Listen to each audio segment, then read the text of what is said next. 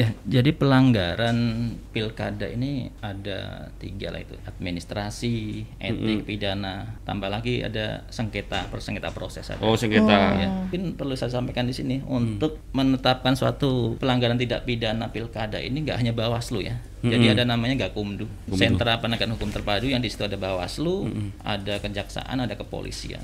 Yang sorotan lagi nanti di saat ini, saat masa tenang ya, tiga hari menjelang pencoblosan. Terkait dengan money politik yang itu yang kita akan awasi. Bahasanya masa tenang, cuman kami Bawaslu nggak tenang. Kayak- Mas, selama ini dari dari pasangan calon sendiri, apakah mereka eh, sudah melakukan ini apa ya eh, bentuk support bagaimana terkait dengan berkampanye eh, lebih ubar terkait dengan protokol kesehatan gitu-gitu. Apakah ada komitmen antara Bawaslu dengan pasangan calon terkait dengan dukungan mereka eh, terkait dengan protokol COVID-19 ini, Mas?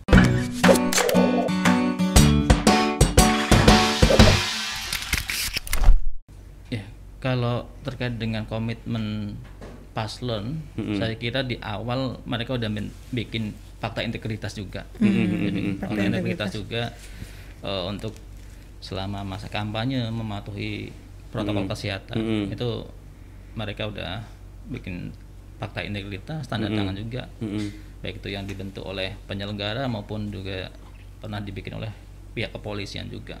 Memang kampanye saat ini memang lebih konsen di covid sih masalahnya kan. Covid. jadi semua memang apa bergerak semua. Hmm.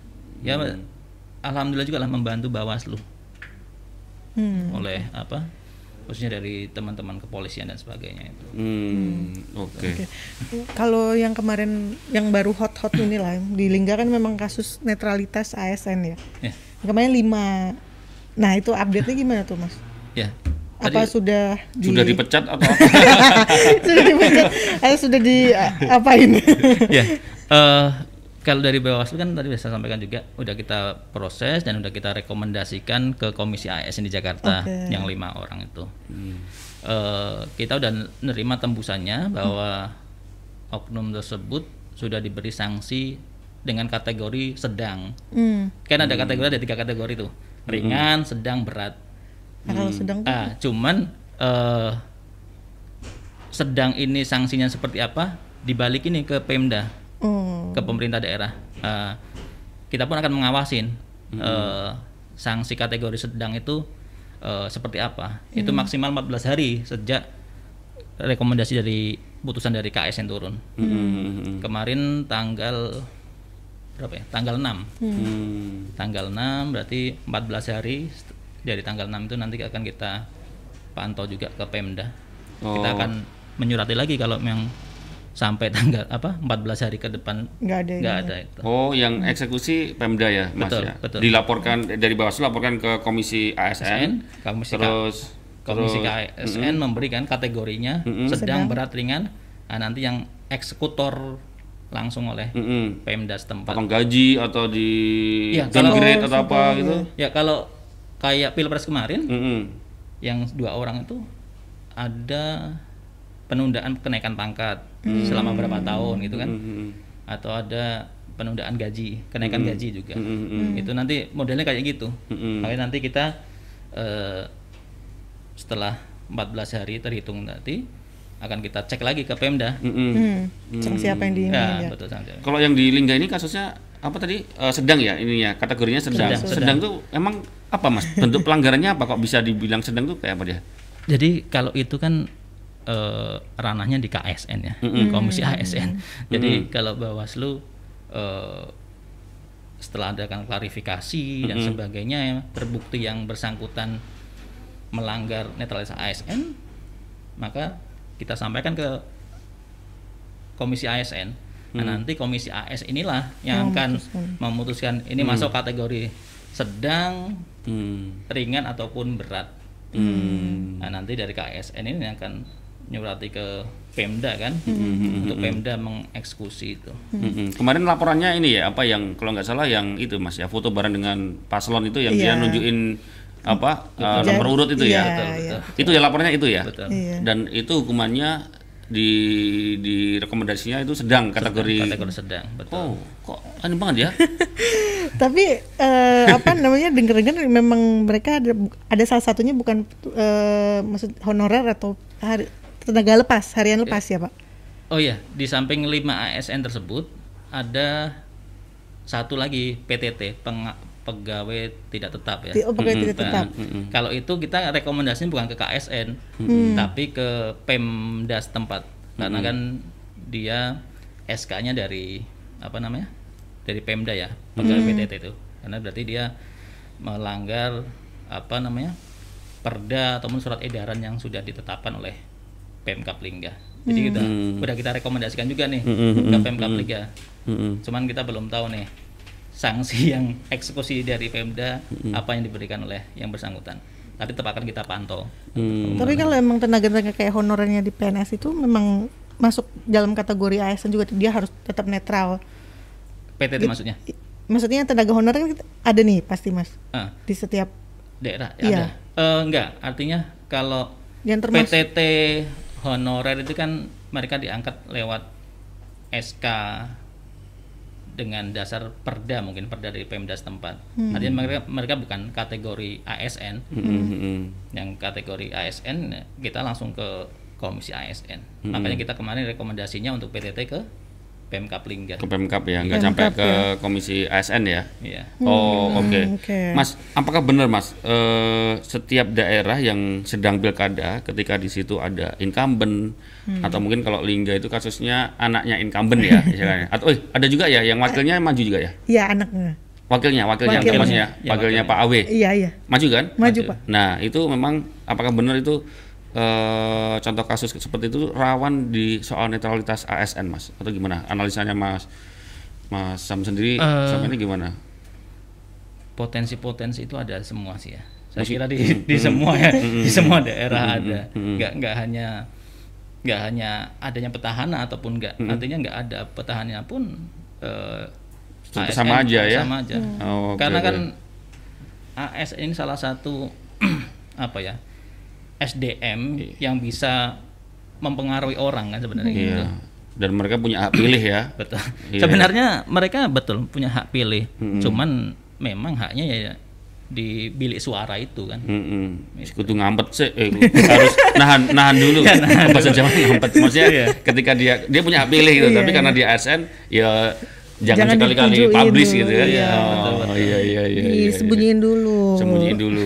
Tapi kalau di nih kita masuk ke money politik kan karena itu sesuai Hmm. dengan apa eh, judul kita. Iya. Nah, kalau daerah Lingga tadi kan ka- kalau kata Mas ini ada potensi juga di money politik ya Mas ya. Mm. Setuju Mas? Ya. eh, Setuju. setuju. Po- makanya eh, kita udah mempetakan terkait dengan eh, potensi-potensi Hmm. termasuk ya salah satunya money politik. Dia ada di urutan keberapa? Berarti kan yang pertama netralitas. Iya betul. Sama bawahnya lagi money politik. Oh, politik. yang kedua ya dia urutan kedua. Kan- kenapa kita bikin kedua karena eh, terkait dengan money politik Bawaslu hingga kalau dulu Panwaslu Mm-mm. belum belum pernah menangani kasus ini gitu loh. Hmm. Eh, terkait dengan Pilkada 2020 ini tadi terkait adanya pandemi dan sebagainya itu memang berpotensi sekali gitu loh. Mm, mm, mm, mm. Makanya kita eh, sedari awal baik melalui media sosial maupun pas kita ada kesempatan apa namanya menyampaikan langsung ke masyarakat Hmm. kita selalu terkait dengan money politik dan sebagainya. Hmm. Dan ada perbedaan juga kan terkait dengan money politik Iya, dengan iya. pilpres kemarin kan. Artinya kalau pilpres kemarin yang kita tahu yang dikenakan cuma si pemberi saja. Tapi kalau yang di pilkada ini kan Yang sesuai terima juga ya. Menerima Ya. juga. jadi di 187A itu kan ayat 2 penerima pun dikenakan sanksi yang sama Mm, mm, dengan si pemberi. mm. Nah itu. Sebenarnya kalau kita melihat dengan sanksinya di pilkada ini lebih besar, lebih lebih berat loh. Mm, mm. Sanksinya itu sampai 72 bulan maksimal hukuman. Mm, mm. Untuk yang penerima. Penerima dan pemberi Penerima dan pemberi sama. sama sama ya. ha, ha. 72 bulan itu kalau kita 6 tahun Berarti- ya, Enam ta- dibagi dua, dibagi 12. 12. Iya, enam tahun, enam tahun. Mm, mm, 6 mm, tahun itu. mm.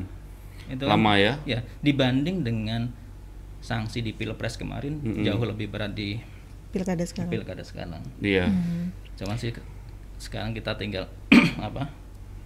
Sanksinya sudah mengatur, Mm-mm. regulasinya sudah ada. eh, kewajiban kita mensosialisasikan kepada masyarakat. Mm-mm. Jadi eh, sebenarnya kita nggak hanya kalau dari Bawaslu memang terbatas ya, terbatas. Makanya kita juga eh, selalu kerjasama dengan ulama-ulama setempat, ya, dengan MUI dan sebagainya untuk sama-sama mensosialisasikan Mm. dengan imam masjid itu. Kadang orang kalau dikaitkan dengan agama agak agak biar agak langsung takut. Iya iya iya. Bagi Iya. orang Biar yang, yang kena ngomong ya. ngomong kiai lebih dipercaya Iya. daripada yang ngomong Iya. ketua bawaslu paling enggak. iya iya gitu kan ya karena kalau kita bicara masalah agama terkait dengan money politik suap menyuapkan kan besar ya neraka loh itu maksudnya kan Iya, iya. pemberi dan penerima, Penerima. tuh masuk neraka tuh Iya iya iya. iya. apalagi semisal uang itu dibelanjakan Mm-mm. dimakan oleh kita, anak kita. Mm-mm. Dan terpilih yang bersangkutan lima tahun loh kita menanggung dosanya bayangkan. Lima tahun.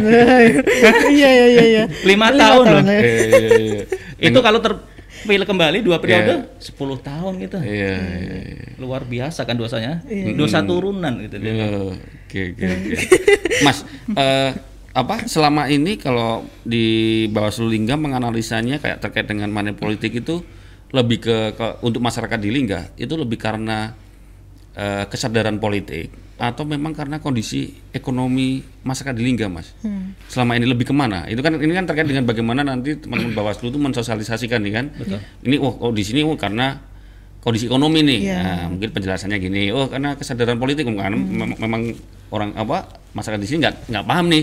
Termasuk tadi ternyata ada ada hukumannya bisa sampai enam tahun gitu kan. Jangan-jangan sampai nggak tahu tiba-tiba Iya. dilaporin hukum enam tahun. Iya, maksudnya takut tidak Kasihan terpol- juga. Iya. Eh, Di Lingga gimana Mas? Lebih ke masuk mana apa? juga duanya. Dua-duanya. Satu memang ada yang belum mengerti dan tapi yang lebih lebih lebih dominan terkait dengan ekonomi saya kira. Ekonomi. Dominan karena ekonomi ya. Ekonomi. Apalagi tadi yang kita sampaikan di masa-masa pandemi ini masyarakat kerja juga Mm-mm. serabutan susah kan. Mm-mm, mm-mm. Terkait saya kira eh, lebih lebih kepada ekonomi. Mm-mm. Mungkin mereka berpikir wah yang penting nggak nggak ketahuan gitu kan. Terima aja. Makanya kita perlu sosialisasi tadi eh, kita kaitkan dengan agama itu yang akan lebih lebih mungkin langsung kena ya langsung kena. Kalau kita sekedar regulasi-regulasi yang ada ini orang tuh mikirnya yang penting nggak tahu kan? Tapi kalau Nggak udah tapi kalau udah bicara masalah agama eh, kita Allah kan pasti melihat kan? Mm-mm, mm-mm. itu mungkin yang akan lebih kita tekankan kembali. Tapi dari Bawaslu-nya memang sudah mapping daerahnya maksudnya oh di memang nih kayaknya ada paling besar di sini nih gitu. ya Eh, tadi terutama yang daerah-daerah yang jangkauan pulauannya pulaunya susah ya. Jadi kayak tadi yang saya sampaikan satu desa Se- ada Tiga pulau. tiga pulau dua pulau itu kan. Mm-mm. kayak nggak mungkin ya, satu orang di sini. Tim sukses atau tim yang melak contoh melakukan money politik di pulau sana kita gimana nih. Hmm. padahal anggaran kita juga terbatas tadi kan Hmm. untuk ke pulau sana harus sewa speed kan istilahnya Hmm. nggak mungkin pula kita pakai reguler kan nunggu berapa jam sampai penumpang penuh baru jalan mm-mm. orang sana sudah bergerilya dan sebagainya Mm-mm. itulah yang ada eh, salah satu apa ya jadi ya bisa bisa dibilang hambatan kita di Bawaslu ya yang harus kita akalin lah cara pengawasannya gitu Iya emang apa pilkada itu potensi money politiknya lebih lebih besar dibanding pilpres katanya Iya. selain pileg ya pileg pilkada itu Paling ini ya. iya uh, permainan money politiknya lebih besar kalau Paling pilkada pemilihan bupati wali kota itu Karena yang bersentuhan langsung sama ininya. iya Betul. iya Iya, benar. emosionalnya juga lebih ini ya lebih terasa ya. Mm-mm. lebih terasa. Karena memang langsung bersentuhan kan. Mm-mm. kalau pileg pilpres itu kalau presiden jauh kan presiden Jauh, Jakarta. Mm-mm. kalau pileg pun banyak yang nyalon kan. Tapi kalau eh, pilkada ini calon cuma tiga kan. Mm-mm. orang sudah nampak gitu loh. Apa jiwanya emosinya dukungannya itu udah udah terasa gitu loh. Mm-mm. Tapi memang udah kepikiran apa strategi khusus atau inovasi atau kreat kreasi dari Bawaslu untuk ya tadi itu yang satu desa tiga pulau. Ya sudah eh, kepikiran belum mas? ya kalau yang kayak tadi satu desa ada berapa pulau nanti kita walaupun ada cuma satu pengawas TPS-nya maka- maka kita akan maksimalkan dengan staf staf yang ada di masing-masing panwas kecamatan untuk kita kita optimalkan maksimal untuk melakukan pengawasan. Karena kalau nggak kayak gitu nggak bakal ter terakomodir pengawasan tersebut. Akan susah gitu loh.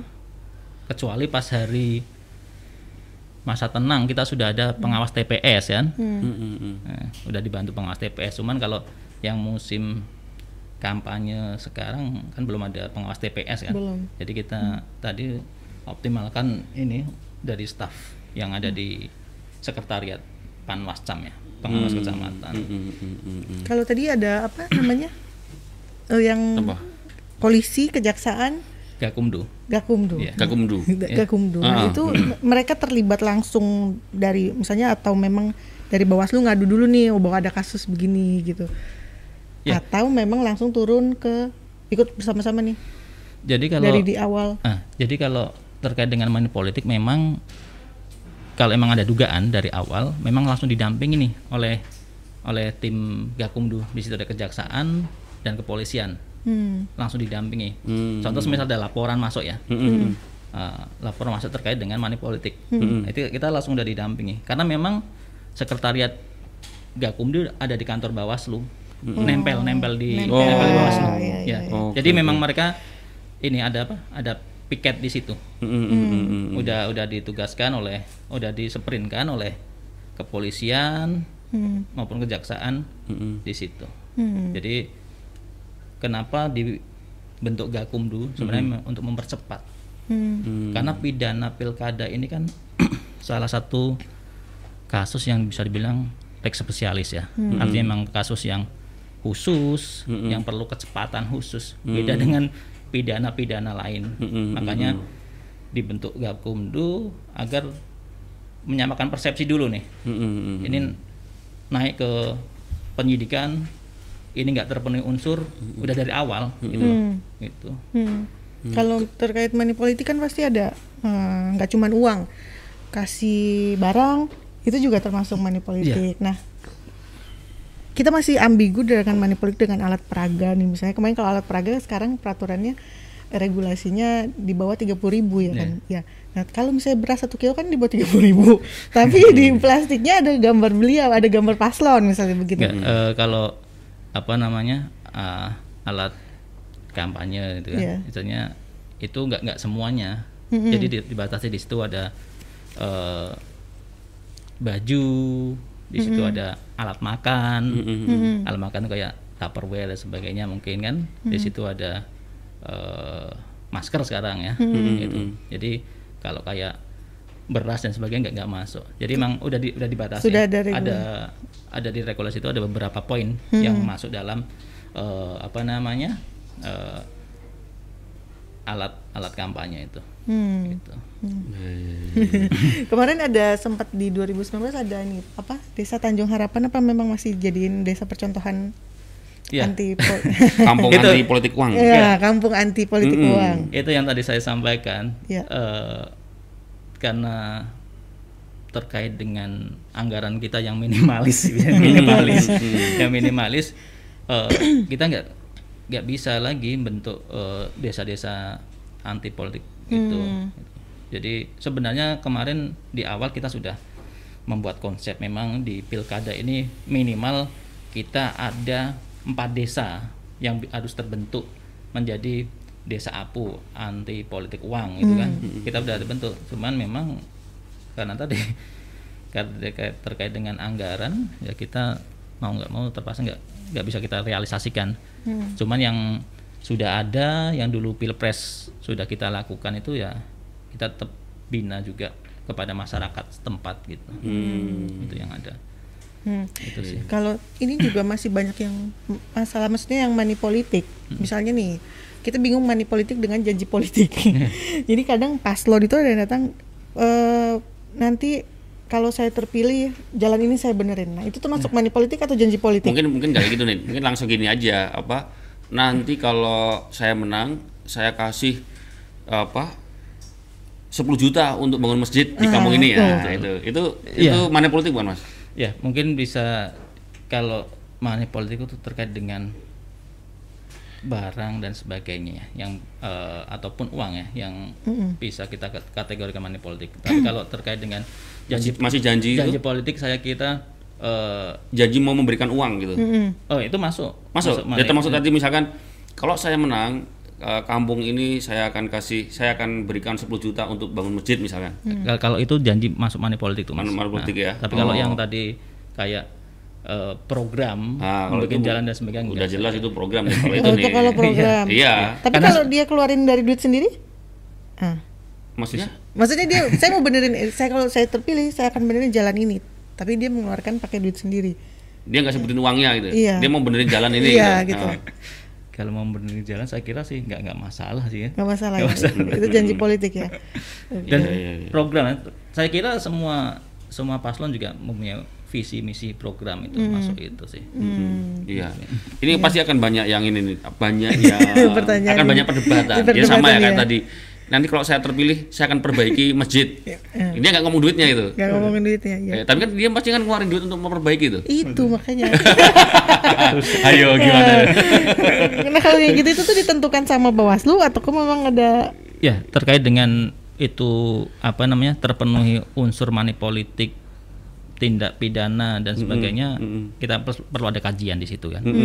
Terus ada apa namanya eh, asas apa namanya mens rea ada niatan nggak dan sebagainya. Jadi kalau kita menentukan itu pidana pilkada salah satunya money politik itu kajiannya jelimet artinya Jelimet. jelimet ya jawaban jelimet. Jadi memang memang nggak mudah nggak nggak mudah kita langsung mem- memberi apa namanya deskrip bahwa ini pidana pilkada money politik enggak.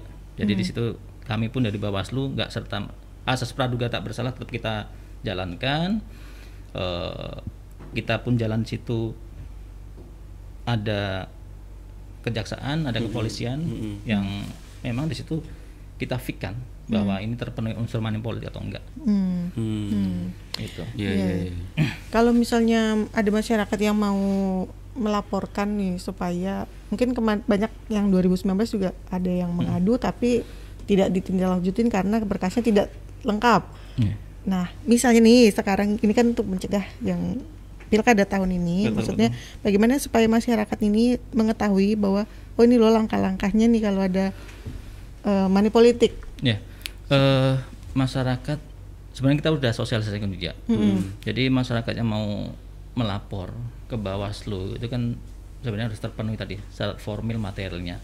Syarat formil itu ya di situ ya jelas siapa yang melaporkan, Mm-mm. siapa yang dilaporkan, terus apa namanya waktunya tidak kadaluarsa, tidak kadaluarsa Dari itu waktunya 14 hari eh berapa tadi? tujuh hari. Eh, tujuh hari ya. Jadi Sejak kejadian ya? kejadian. Jadi semisal semisal ada money politik nih di kampung A, Mm-mm. itu kejadian tanggal 1 itu nggak nggak bisa kalau dilaporkan tanggal 10 walaupun ada kejadian tersebut gitu loh. Mm. itu kan udah kadaluarsa nggak bisa diproses juga. Nah itu kadang yang masyarakat belum belum paham terkait itu. Jadi kalau masyarakat ada yang tahu tidak ada tindakan pelanggaran di situ, segera laporkan. Oh, segera Nah, betul. Mm, nggak usah menunggu, segera laporkan gitu ya Mas ya. betul betul. Itu. Jadi hal-hal kayak gitu yang eh, yang perlu masyarakat ketahui.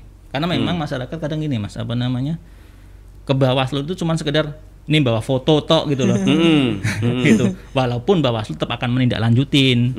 Karena itu sebagai informasi awal Bawaslu yang harus kita telusurin. Mm. Apalagi kalau misalkan ada ada pelanggaran di foto, kemudian fotonya di DM ke akun apa eh, akun eh, Instagramnya Bawaslu Lingga. Itu itu nggak belum lengkap itu dianggap belum. lengkap ya. tapi tetap semua yang masuk ke Bawaslu baik itu eh, informasi lisan maupun sekedar foto dan sebagainya kita akan tidak lanjutin Tetap tidak lanjut ya Mas ya. ya termasuk yang ASN kemarin Mm-mm.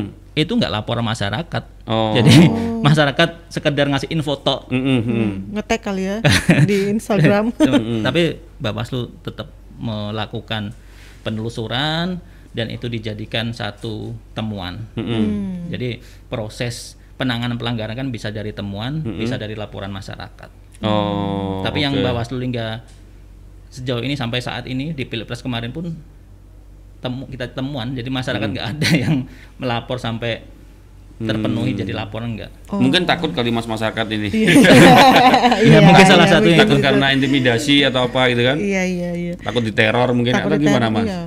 Atau mungkin gini, eh, buat masyarakat di Lingga lah, kalau ada pelanggaran-pelanggaran eh, harusnya gimana, hendaknya gimana mas? Mungkin Ya, eh, untuk bantu Bawaslu nih, ya, Bawaslu. eh, kita kan sudah punya jajaran nih, jajaran sampai ke Panwas Desa. Jadi saya sih berharap masyarakat Kabupaten Lingga apabila ada pelanggaran apa pun itu netralitas ASN, Mm-mm. pidana dan sebagainya bisa melaporkan ke Panwas Desa ataupun di Panwas Kecamatan karena kan jajaran kita sudah sampai situ dan Mas Desa. dan terkait dengan tadi takut dan sebagainya kita udah kerjasama kok dengan kepolisian jadi siapa pun yang melapor eh, identitas kita juga akan kita rahasikan dulu dan kita akan sampaikan kepada pihak keamanan untuk dilindungi gitu jadi nggak usah takut Mm. Hmm. Panwas desa sama Panwas takut. Cam itu ada di ke kalau itu di, di kelurahan dan kecamatan, Kecamatan, Nah, desa di betul. kelurahan. Mm-mm. Oke. Oke, Kita eh, ini dulu. Kita ke Facebook ya. Iya, Coba kita ada yang jawab nanya dulu pertanyaan-pertanyaan. dari Facebook ya. Ranisa Down, selama Bapak jadi Bawaslu, pelanggaran apa yang paling parah yang pernah Bapak tangani? Dari 2017 tadi. apa yang paling parah? Paling parah ya bahasanya. paling berat kali paling ya. berat mungkin. apa nggak Paling bikin pusing, Pak. nggak biasa aja sih Iya. biasa aja? Biasa Biasa aja. aja. kita kan sesuai regulasi aja kan. Jadi selama kita menjadi penyelenggara Bawaslu, kalau kita bersifat profesional, integritas, insya Allah nggak ada perasaan-perasaan yang eh, apa namanya berat dan sebagainya. Kita sesuai rule aja. Tapi kalau kita sudah ada menoleh kanan kiri, itu yang akan bikin pusing kita, akan susah tuh. Tapi mungkin godaan dan ininya banyak mungkin, Mas. Ya tadi tergantung integritas kita kan. Iya, iya, katanya penyelenggara itu emang godaannya besar. Besar, ya. godaannya besar. Bukan menangani Gitu. ya, tapi godaannya mungkin tadi Iya, pertanyaannya. godaannya besar. Meli Ananda, kalau misalnya saya nih masyarakat biasa nerima uang dari salah satu paslon, terus saya ketangkep basah sama pihak Bawaslu, apa saya dihukum juga Pak? Nah, ini. Ah, Ya ini yang masuk di pasal 187A ayat 2. Waduh. Selain pemberi penerima pun kena kan. hmm, udah basah kamu kena kamu. Ah, 70 ancamannya sampai 72 bulan, maksimal dendanya satu miliar. Oh. Oh ada denda juga. Iya. Oke. Enam tahun ya, 72 bulan. Ya, jadi jangan jangan, jangan sekali-kali nerima uang dari paslon ya. Jangan. Mm-mm. Sekarang udah penerima juga. Makanya hati-hati, jangan-jangan nanti dikasih uang suruh bantu bikinin APK dikira money politik. Iya. Kayak yang ini oh kita nerima duit buat ini kok buat beli- Advertising. buat advertising. buat tribun nerima duit dari pasangan calon sering loh. Ya resmi kan nggak masalah. Iya. buat buat pasang iklan. Pas Pasang iklan. iklan. Edi Pangi Simanjuntak untuk money politik. Oh banyak money politik bisa ya. enggak sih Pak pas Pak pasa, paslon yang ketahuan melakukan itu langsung didiskualifikasi? Oh, nih. Ya, tentunya- Oh, ini masukan ini kita ya. langsung- Iya, bisa Ya. langsung di ini. Nggak, ini tentunya nanti akan melalui proses. Artinya kalau memang yang bersangkutan terbukti melanggar money politik, terus sudah eh, masuk inkrah pengadilan, eh, nanti hasil dari pengadilan itu yang akan kita sampaikan ke KPU dan itu bisa disorek juga. Hmm. Kalau Karena- proses selama ininya tuh bisa sampai berbulan-bulan atau Enggak, kalau di tadi saya bilang tindak pidana pilkada ini lex spesialis. Jadi prosesnya itu eh, cepat. Jadi kalau dari proses eh, penanganan di Bawaslu sampai nanti di apa penyidikan di kepolisian, terus penuntutan di kejaksaan sampai ke pengadilan itu kurang lebih saya hitung kemarin kurang nggak nyampe 35 hari lah. Prosesnya cepat. Karena ini eh, apa namanya masuk eh, pidana khusus ya. Pidana. betul. Hmm. kalau pidana umum kan bisa nyampe berbulan-bulan juga kan. Makanya dibentuk namanya sentra penegakan hukum terpadu di situ. Jadi berkas yang udah keluar dari situ udah fix gitu loh nggak ada bolak-balik dari penyidik ke apa kejaksaan kurang lengkap dan sebagainya nggak ada jadi eh, di Gakumdu itulah eh, untuk memfikirkan apakah ini mm, bisa diproses atau enggak Hmm. dari awal kita di, didampingi masalahnya Hmm. dari awal kita menerima Laporan. laporan dari masyarakat udah udah didampingi terus Terima kasih Mas. Oke, makasih Mas Ra- Zamroni. Ketua Bawaslu Kabupaten Lingga. oke sama-sama Terima terima kasih. Jauh-jauh dari Lingga ya, ke Batam ya. Jauh-jauh loh. Untuk ngobrol dengan Nita.